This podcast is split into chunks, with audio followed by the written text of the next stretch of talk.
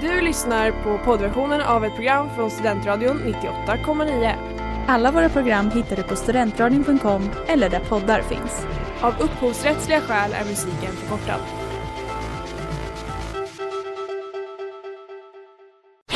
Reklam, reklam.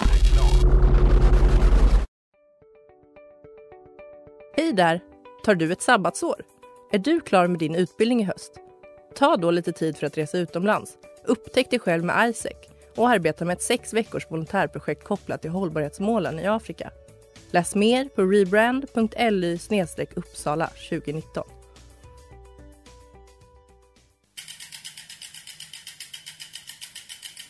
Har du fått punka, krångla växeln eller är cykeln inte lika snabb som den en gång brukade vara? Vänd dig då till Leffes cykel, Uppsalas främsta cykelverkstad sedan 1988. Du hittar dem ett stenkast från Ekonomikum på Sibyllegatan 9 i Luthagen och på leffecykel.se.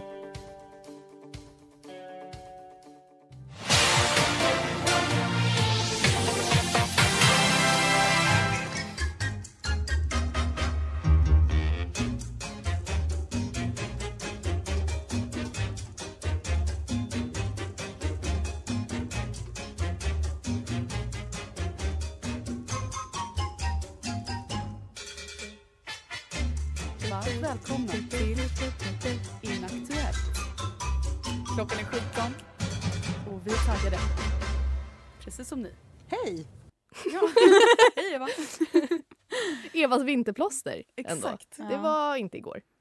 Idag är det den 16 november och klockan är 17. Eh, den 24 november är för närvarande inaktuell eftersom att den inte har inträffat än. Den 24 november skärps restriktionerna ytterligare och vi ska undvika att träffa fler än åtta personer. Vi har ingenting att se fram emot. Vi känner oss fast i den här coronamardrömmen tillsammans med alla resterande i världen. Och för att pigga upp er är dagens tema Sjukt inaktuellt. Där vi vill uppmärksamma er om alla andra sjukdomar och hemskheter som fanns förr och som inte är aktuella längre. För snart kommer corona vara en av de här inaktuella sjukdomarna och vi längtar. Så ett, en liten brief om våra liksom, sjukdomstillstånd. eh, Kanske inte, för vi är friska. Ja, vi, vi är friska. Är något som ni vill eh, ta upp? Liksom? Eh, jag firar, det är ettårsjubileum för mig.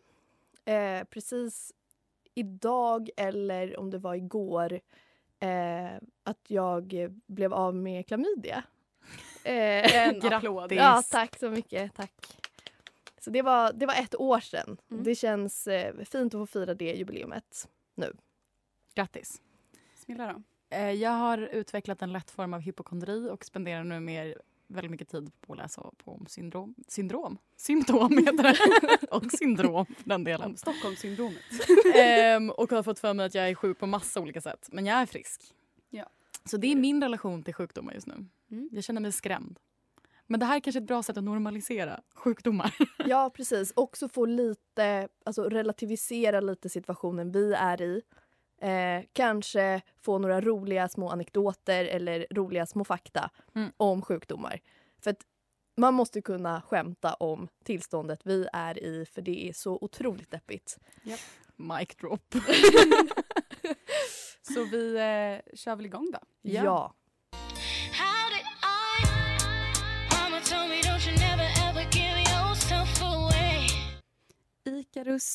Mama ever give yourself away. Icarus med Fana Hughes. Precis, jag tänkte berätta för er om någonting som heter humoralpatologi. En gång till. Humoralpatologi. Okej. Okej, och vad är humoralpatologi undrar då ni? Alltså det här är en, teori, en medicinsk teori om människors hälsa som utvecklades under antikens Grekland. Och det var typ den medicinska synen fram till 1800-talet. Alltså ändå en väldigt stor del av historien. Och det är Hippokrates som är en grekisk läkare som har liksom etablerat det här. Ehm, och vad är det då? Det är den här teorin om att det ska råda en balans mellan kroppens primära kvaliteter, alltså värme, kyla, våthet, torrhet och de här fyra kroppsvätskorna. Okej. Låter Får det jag, bekant? får jag gissa på kroppsvätskorna? Ja. Blod. Mm. Eh, galla. Ja, men du specificerar mera. Eh, ja, det är så här röd, ga- svart galla och Svart galla och, gul. och gul galla. Galla. Ja, Och är det en till? ja. vatten. Ja, slem. Slä. Nej, Så gul galla, svart galla, slem och blod. Och de här har liksom... Det finns jättemycket teorier om de här. De är dels så här, typ våren förknippas med blodet och sommaren ska förknippas med den gula gallan och hösten ja, och så vidare. Så de har jättemånga olika, liksom, vad ska man kalla det för, drag typ. Mm. Och också typ ska vara jättedefinierande av personligheten. Alltså om man typ har ett överskott av svart galla, då hade man melanko- melankoli. Och melankoli betyder svart galla på grekiska. Okej. Det är liksom, och det här var liksom så man såg på sjukdomar. Allting som, all, varje gång man var sjuk så var det för att man hade för lite eller för mycket av någon av de här vätskorna i kroppen. Så man studerade typ blodet eller urinet för att liksom se hur, hur vätskorna såg ut. Man smakade på det. Och behandlade då genom att tillsätta eller ta ifrån olika typer av vätskor eller liksom addera kyla och värme och sådär. Genom att motionera, alltså få ut svett. Eller luftombyte. Man gick till en annan plats och andades ny luft på ett sätt. Ehm, bada, värmevård. Mm. Blodiglar till exempel. För Usch, att eh, få ut blodet. skadligt blod ur kroppen. Och då tömde man blodet från fötterna för man tänkte att allting från hjärnan och så, det åkte liksom ner i kroppen. Så man tömde Mm. blod ur fötterna. Eh, laxering. Kräkning. För att få den här balansen liksom. Mellan, olika, mellan olika sjukdomar. Ja, hur hur tycker kanske- ni det här låter? Det låter ju som... Det känns dumt att det var en vetenskap, men det låter också som att det kan fungera. Det Jag- gjorde inte jag- det tyvärr. Nej, men inte, inte för alla sjukdomar, men så här, om man mår illa, då kan, då kan man spy, då mår man inte illa längre. Om Ja. man är trött kan man andas frisk luft, då är man inte trött längre. Eller så här, Mm. motionera. Ja, men det handlar mycket om att fördriva det onda ur kroppen. Alltså det är lite Mm. det det liksom går ut på. Men det är också spännande det här med att man såg att det hade kopplingar till personligheten. Alltså typ då att man kan vara ledsen eller att man, om man hade för mycket gul galla då var man för glad till exempel. Ja.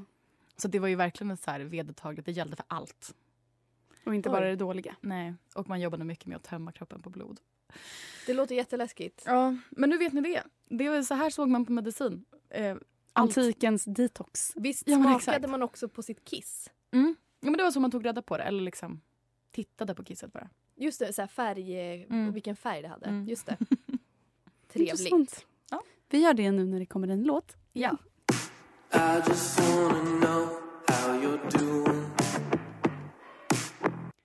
One More Night med Florence Rose och du lyssnar på Inaktuellt. Uh-huh, it's the plague gonna kill you in a few days. Jag tänkte berätta för er om pesten, eller digerdöden, eller svarta döden, Yay. beroende på vad man vill kalla det. Det är sjukt inaktuellt. Sjukt inaktuellt. Det var nämligen mellan åren 1346 och 1355 som digerdöden härjade i Europa. Hua. Eh, den kom via handelsvägar, den här sidenvägen som gick från Kina till Europa. Eh, Den vägen, ja. Ja, den är väldigt känd. En av historiens viktigaste handelsvägar. Okej. Ja. Okej, jag historia. jag Ja. ja, ja, när jag förberedde det här så hade jag faktiskt mina gamla historieanteckningsböcker. Ändå Eh. Nörd. Ja, ja, ja, ja. Ni kanske kommer tycka att det är intressant om jag får prata. Ja, och fortsätt. Sidenvägen. Ja, och det kom från då mongoliska riket och eh, dynastierna i Kina. Eh, och det var redan kris i Europa. För att 1300-talet hade börjat med massa klimatförändringar. Så att de hade fått jättedålig skörd under en väldigt lång tidsperiod. Så befolkningen hade liksom ingen motståndskraft. De var väldigt svaga, rädda, eh, ja, men så här, ingen framtidsutsikt. Och då kommer pesten. Perfekt timing. Ja, det är ironiskt nästan. Och det var en sjukdom som hade en dödlighet på... Lyssna, en dödlighet på 30 till 50 procent. Wow. Och en tredjedel av Europas befolkning dog. Då känner man sig ändå lyckligt lottad att det är corona som härjar nu och inte pesten. Det är exakt. Mm. Jag tänker man får lite perspektiv på det. Ja. Eh, och man var speciellt utsatt om man bodde i en stad för då hade man mycket närmare kontakt med andra människor och det var mer handel. Och så var det flera konsekvenser då av det här. Dels så spädde det på antisemitismen som fanns i Europa för man försökte hitta en syndabock för pesten. Eh, och då tänkte man då att det var judarna. Mhm. Det var en konsekvens. En annan förklaring som folk hade var att det var Guds straff. Vilket gjorde att det var flagellanter, ett ord jag inte har hört varken förr eller senare. Vilket är självspäkare.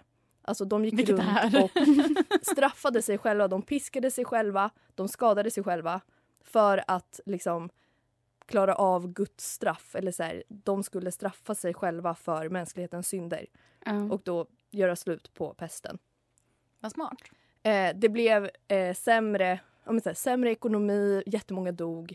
Eh, de eh, flydde från men så här, landet. Alltså väldigt stora delar av Nordens jordbruksmark eh, mark övergavs bara för att det var så många som dog. Mm. Eh, men den bästa konsekvensen som jag tycker är att eh, befolkningen, en viss del av befolkningen reagerade på den här pandemin som det var med att bara så här, skita i allt. De sket i Gud, de sket i sina synder. Det de gjorde var att de söp, de shoppade, de låg runt och det, alltså, det blev högkonjunktur av det. För lyxkonsumtionen ökade så pass mycket för att folk bara nu ska jag spendera alla mina pengar för jag kommer ändå dö. Det är ju en oväntad konsekvens. Jag vet. Men visst är det lite nu, roligt att tänka på att människorna under medeltiden Sket i allt. sket i och var så här, vi går ut och super nu. Bara. Men det är Mm. typ min bild av medeltiden. Att allt var bara upp och ner och hejvilt. Och... Jag tänker att medeltiden var Kalabalik. jätte, jättetråkig. Nej men det finns någonting med att man ser folk som skålar med mjöd. Typ. Men det känns, ja nej medeltiden, det är de Vet, sämsta vet du vad jag tusen baserar åren. det här på? Medeltidsveckan på Gotland. För där är det ett jäkla ståhej. Alltså. Ja, jag, De var sjukt medvetna om pesten. Ja, där finns det gycklare och de var oj oj oj vad det ja, men det, och kanske, det, dricks. kanske är, det kanske var lite härligt. Framförallt då de som lyxkonsumerade så mycket under Ja. digerdödsperioden. Men eh, då, då är vi tacksamma över att vi inte har digerdöden som härjar nu. Det kan vi verkligen vara. Och om det är så att vi ska få för oss att nej men nu, kom, nu, är det, nu är det döden, nu kommer vi dö av corona. Då vet vi vad vi ska göra. Precis, men inte festa med andra människor. Då får man supa ner sig själv ensam i karantän. Mys. Kul.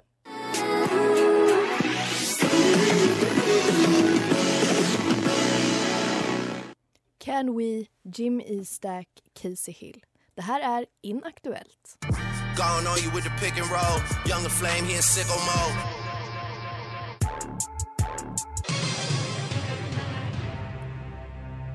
Det är dags för quiz.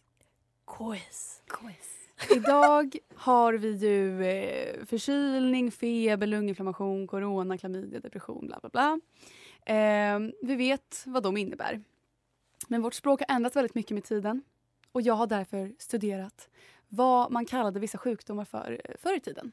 Ja, vad roligt. Eh, därför är quizet, jag kommer säga ett sjukdomsbegrepp och ni ska gissa vad det är för sjukdom helt enkelt. Eller mycket var ju förut att man inte kunde veta exakt vad det var för sjukdom så man kikade bara på symptomen Mm. och därför skapade man någon slags begrepp. Så det kan också vara bara lite symptom. Men eh, ja, ni, ni fattar. Mm. Numero uno. Flen. Flen. Ehm, Depression. jag gissar på eh, ont i halsen. Eh, nej. Eh, det avser egentligen ganska många olika sjukdomar. men det har med magen att göra. Aha. Magspänning, magkramp, smärta i hjärttrakten, bröstböld. Klassisk sjukdom. Gud. Bröstböld, hatar när det händer. Ja men det låter ju inte alls som att det har med magen att göra. Nej. Nej. Det låter ju som en ort. ja, det låter lite som Flen faktiskt. Exakt. Eh, jag hittar inte heller någonting när jag googlar på det förutom orten Flen. Liksom, eller ja, Flen. Ehm, ja. eh, 00. Nästa begrepp. Gyllenåder. Oj. Eh, gyllenåder, vad ska vi tro då? Men inom blodet så är så här, äh, blodsjukdom. Jag tror att det är åderbråck. Korrekt. Va? Oj, snyggt Här, här står det åderbråck, särskilt hemorrojder. Okej. Ja. Så vi ska gå in lite på, ja men ska jag förklara vad hemorrojder är? Ja, ja, jag vet typ inte vad det är alltså. Alltså ett, Det är ett, något vanligt i rumpan. ja, ett vanligt tecken på att du har hemorrojder är att du blöder från ändtarmen. Eh, det kan till exempel komma lite ljusrött rött blod på pappret när det torkar i. Aj, aj, Aj då. Ehm, Gör det ont? Eh, det kan göra ont. Det, kan, det kliar oftast tror jag. Ehm, Oj, vad jobbigt. enligt 1177. Är det Eh, farligt? eh, det kan bli, men det, jag tror att det är som så här bölder i rumpan typ. Men, Men jag vill inte oh, prata mer ja. om just nej. det här. Men eh, jag kikade lite vad, alltså, för att, att det kallas för gyllenåder det var för, för att man såg det som någonting bra. Det, man kopplade det till att man liksom, det var bra att tappa blod från patienten. Och Ja, men när det om vad blöder- vi pratade om. exakt, Blodiglarna. Mm. exakt. Så när det blöder från ändtarmen så, så är det bra. typ. Och därför var det liksom gyllenåder. Det låter ju bra. Ah. Mm. Jag fattar. 1-0 till Agnes. Franska sjukan. Eller fransosen. Oj, men det här har jag hört. Eh, fan. Jag har inte den blekaste. Nej, jag kommer inte på. Syfilis. Syfilis. Jag tänkte, Men syfilis låter ju franskt. det är dumt att säga det i Syfilis. efterhand. Men jag tänkte gissa på det. Ja, så jag har en liten utläggning här om, va- om varför det kallas för franska sjukan. Men jag vet inte om jag orkar ta det. Det var lite så här, ja en fransk invasion till Italien. De kallar det för italienska sjukan och sen kallar de det för franska sjukan. Men i Sverige har vi kallat det för franska sjukan. Okej. Ja, men där ser man. Och så kommer vi in på dröppel. Dröppel. Klassiker. Ja, Den har man ju hört om många gånger. Jag tror att det är eh, halsfluss. Jag tror att det är... Jag vet inte. Gonorré. Gono- Gonorré. Förväxlades eh, i början med eh, syfilis. Dröppel låter ju jättebra. Alltså en könssjukdom som vi kallar för dröppel. Men det låter också som Ja. någon sån här dröppel också. alltså när man Ja. typ slår i tån. Det låter också som någon form av husmanskost. Ja. Tre saker man inte vill blanda. Nej.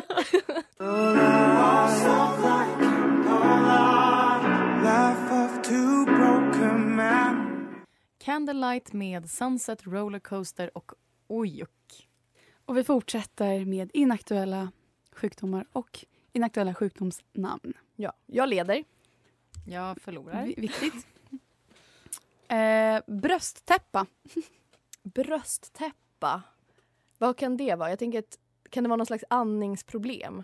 Andning. Andningsproblem, Jag kan ja. väl säga amningsproblem.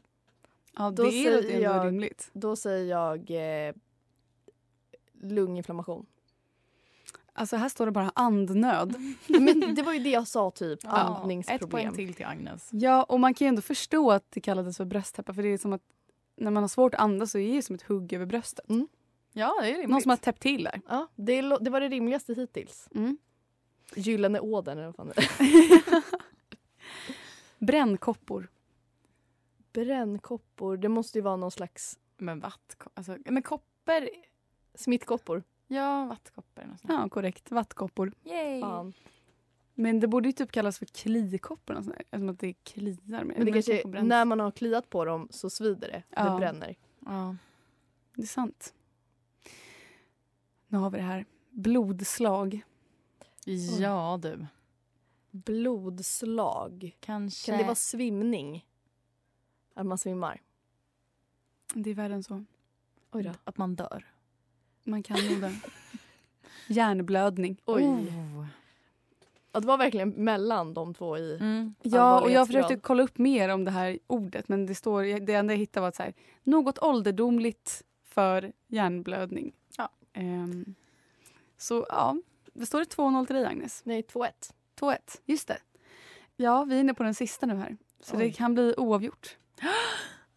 Okej, säg den. Vattuskräck. Den det är rabies. Okej, det var rabies. jag bara, den är lite klurig. Men det är för att jag har hört det och jag har sett på The Office. Ja. Men vet ni varför den kallas för vattuskräck? för man får vattenskräck när man har rabies. Ja, exakt. Kan du, för jag har aldrig förstått riktigt. Vet du vad det är? Vattenskräck. Alltså jag förstår inte Man, vad det är. man kan inte svälja vätska. Men gud. Oförmåga att svälja vätska.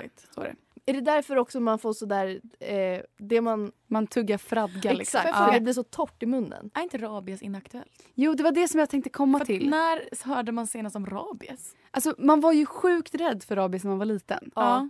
Jag hade, när man käkade sprutgrädde så tog jag alltid runt munnen och bara ah, jag har rabies.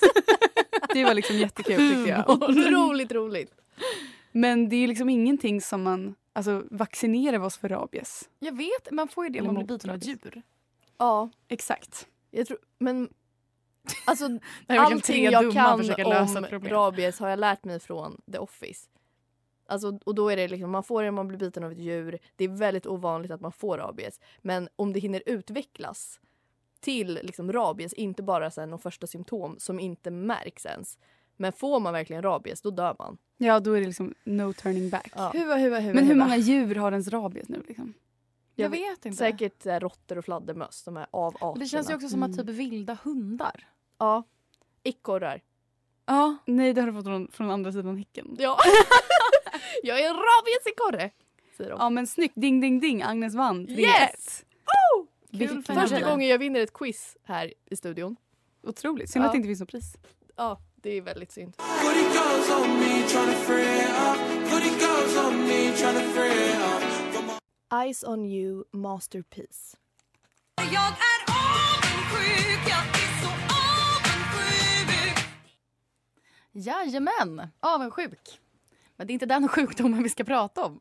Vi ska prata om en annan sjukdom, eh, hysteri. Mm. Hysteri är ju alltså ett namn för alla sjukdomar en kvinna kan ha. Ja. ja. Inte De är ju längre. galna, kvinnorna. Alltså De är helt hysteriska. Men men ändå inte längre. men, men eh, ändå väldigt, väldigt länge. Alltså mellan åtta- åt- va? 1870 fram till första världskriget så var det en av de vanligast diagnostiserade kvinnosjukdomarna i Europa. Så det är inte så jättelänge sedan heller. Och det är så här, hysteri kommer från det grekiska ordet för livmoder. Mm. Så det säger sig självt vad det rör sig om. Liksom. Man tänkte att livmodern vandrade omkring i kroppen och ställde till med olika problem för kvinnor. Och ja, det var väl psykiska störningar främst. Ehm, och de som får den här diagnosen hysteri, då är det att man har haft så här vredesutbrott eller pratat med sig själv, haft hallucinationer. Typ det som idag kan säga ätstörningar till exempel var hysteri. Eller om man har självskadebeteenden, om man är emotionellt instabil. Eller om man har typ så här trauma och stressrelaterade störningar, bipolär, alltså bipolär sjukdom. Allting basically. Hypokondri, det var Mm. hysteri. Så det är väldigt praktiskt. Mm. Så länge en kvinna har någon form av, inte är 100% liksom, tillräknelig, Ja. Så är det hysteri.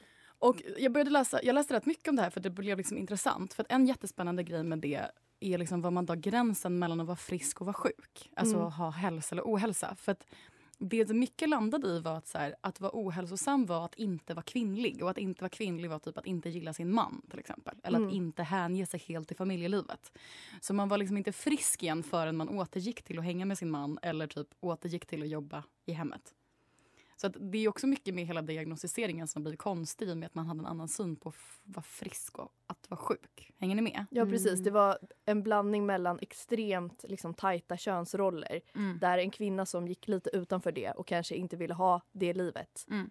betraktades som psykiskt sjuk. Och man behandlar det här på olika sätt. Alltså det här började ju för jättelänge sedan och så här, själva det här vad heter det, begreppet hysteri myntades av samma person, vad hette han, Hippokrates, som myntade det vi pratade om tidigare. Humorpatologi. Ja, det vill säga att det kommer från antikens Grekland. Ja, okej. Väldigt eh, luddigt. Men, och på den tiden så botar man det här genom att smörja en inna, så här, illaluktande olja på underlivet och sen en väldigt god doftande olja på näsan. Aha. Och det skulle typ jämna ut det. Och sen så har det liksom utvecklats till att man bara sängvilande eller fick lugnande medicin eller typ blev in, instängd på psyket eller så här, elbehandlingar och. Också eh, insulinkoma. Jaha, så Mm. där. Det visste inte jag. Ja, men sysselsättningsterapi var en vanlig grej. Alltså Brodera. sticka. Ja, exakt. Mm. Ehm, men jag hittade en jätteintressant grej med det här. Men jag vet inte riktigt hur sant det är, men det finns en film som har byggt på hela den här grejen och jag försökte liksom hitta lite information. Det är Clara Henrys bok Ja, jag har mens, hur så? Nej, det är det inte. Det finns som heter Hysteria som handlar om eh, hysteri. Mm. Mm. Och liksom ett, i England så behandlade man ibland hysteri genom så kallad bäckenmassage för att få fram någonting de kallar för hysterisk paroxysm. Alltså det är en orgasm. Ja. Ja, men man såg det inte som det för att kvinnor hade ju ingen sexualitet. Så det var ju bara någonting annat. det var inte en orgasm, det var det. Och det blev jättemycket problem med det här för att läkarna fick väldigt mycket skador på sina händer för att de fick arbeta väldigt hårt, typ i en timme. Och då uppfann en läkare helt enkelt den första vibratorn. Ah. För att så här, underlätta för läkarna för att de liksom fick väl tennisarm eller något, jag vet inte, musarm heter det så? och det var typ så vibratorn kom till, för att bota hysteri. För att man tänkte igenom den här, äh, ja vad kallar de det för, hysterisk paroxysm så skulle man liksom typ lätta på livmodern den skulle liksom hamna på plats igen som att den hade hamnat fel. Ja, man kan nog tänka sig alltså den endorfinkicken. Kan ju, den kan ju vara härlig. Ja, och så blev jag man typ glad igen och, och bara så här, jag vill gå tillbaka till min man, han är underbar. Ja, så det var typ det mest intressanta och att ja, det så har det varit jättelänge och det säger ju jättemycket om jättemycket. Att man bara Att har avfärdat allting som hysteri. Ja. Ja. Och då blir man ju galen liksom, av den grejen. Ehm, jätteintressant. Ja, väldigt spännande. Mm, finns jätte, jätte, jätte, jättemycket att läsa. Om man är sugen. Ja, jag läste en väldigt spännande bok om det en gång. Mm. Jag behöver inte Det var Clara det. Henrys. Ja, jag har mens. Hur det var- Sleeping with a parachute Ester.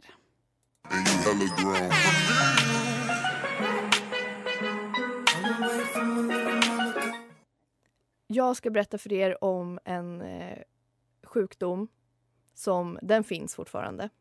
Men jag ska också, jag slänger in en liten brasklapp för jag, har, jag är inte läkare. Jag vet inte jättemycket. Men jag har ett påstående att det är på, en påhittad sjukdom. Okej. Inte själv, okej. Jag, jag, det är borrelia. Det Mm. vet, det finns. Ja, Det det kan man man få- fästing och sen en ring runt. Precis. Ja. Man, får, man kan få en fästing och sen så, det är vanliga symptom, alltså hudförändringar. Man kan få um, utslag eller den här liksom, klassiska då, en röd ring. Vet du vad det känns som? Det känns som något övernaturligt. Alltså som att det har med häxkonst att Ja, göra. faktiskt lite. det här med att det liksom blir en ring på... Hade jag trott på sånt så hade jag nog varit övertygad. Ja, nej men eh, det är inte häxkonst, det är lä läkemedel. Läkekonst. Det är läkekonst. Eh, ungefär hälften av alla som smittas får aldrig några symptom och det läker ofta av sig själv. Men om man får symptom så kan det vara de här hudrelaterade symptomen. Det kan också liksom sprida sig till leder eller till nervsystemet. Och Så det, man blir förlamad. precis, då kan man få förlamning i ansiktet, man kan få väldigt alltså, värk i nacke, rygg, armar eller ben. Och ja, men, så här, då har det blivit den här väldigt illa formen av borrelia.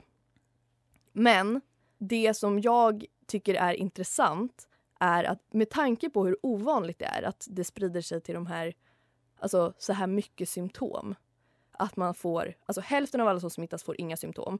De flesta som får symptom får såna här hudrelaterade symptom. Och sen så är det en väldigt liten del som, där det blir allvarligt. Mm. Men med tanke på det är det väldigt intressant att det är så många kändisar som säger att de har kronisk borrelia. Avril Lavigne. Avril Lavigne, chronic Lyme disease. Jag tror att vi har pratat om det i något avsnitt. Att hon har, ja, Eller hur? Att vi har pratat om Avril Lavignes borrelia. Ja, sjukt inaktuell. några andra är eh, Justin Bieber. Ja. Han eh, har kommit ut och berättat hur jobbigt det har varit senaste åren. Eh, han vill liksom spread awareness om Lyme disease då. Det är också eh, Yolanda Hadid som är mamma till Gigi och Bella Hadid. Skådespelarna Chris Christopherson och Alec Baldwin. Eh, och som ni då sa, Avril Lavigne. Eh, hon är med i någon så här, uh, styrelse för global awareness om borrelia. Hm. Eh, och hon, också hennes senaste album handlar tydligen om hennes kamp med, alltså, Mot Med- mot borrelia. Ja. Det är lite, eh, om man får dra en liknelse, hashtag Gidas diabetes. Ja, men för grejen är att det finns inget som heter kronisk borrelia. Jag googlade och det första som kom upp var så här, läkarna har kommit överens om att det finns inte. Då är det så här följdsjukdomar som man kan få. Men där det typ handlar om förlamning i ansiktet och sånt där. Men vad är det som hon liksom... Jag vet inte. Handlar det om att det, livet är så perfekt man vill liksom hitta någon så här, okej men vad är det som är, som är lite sämre med mig? Hashtag Gidas diabetes. Exakt. Förtal Smilla. det, det finns väl en hashtag? Ja, ja men det, han heter ju det på Instagram. Ja. Så att det är inte... Det är hans identitet. Ja. Förtal. Gida diabetes. Ja, men vad, spännande. Ja, men jag Känner ni någon med borrelia? Jag känner inte Nej. en själ. Nej, ingen har det förutom kändisarna. För att de vill ha ett smuts. Gud, det här är en sån scoop, Agnes. Jag vet. Men jag tror... Jag vet faktiskt dock flera som jag vet som har blivit förlamade. Nej, shh. Nej. Okej, förlåt. Klipp. Klipp. Det är bara Avril Lavigne. Och Justin Bieber. Och Gide har diabetes. Ja.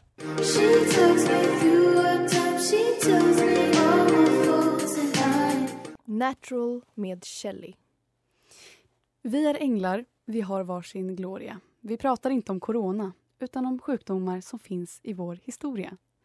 Har du för mycket gul galla är du för glad. Är det något annat så ska du svettas på en promenad.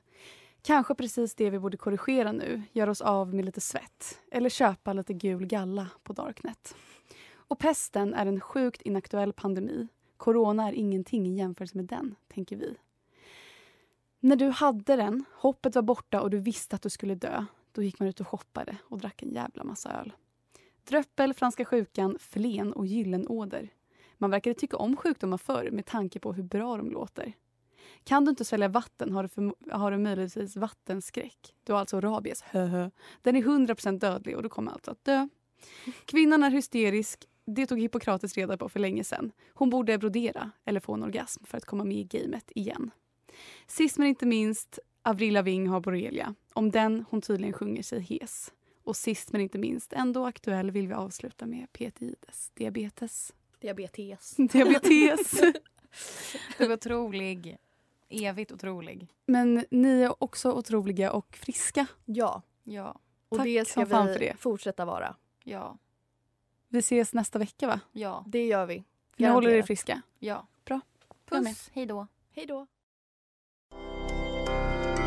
Du har lyssnat på poddversion av ett program från Studentradion 98,9. Alla våra program hittar du på studentradion.com eller där poddar finns. Och kom ihåg, att lyssna fritt är stort, att lyssna rätt är större.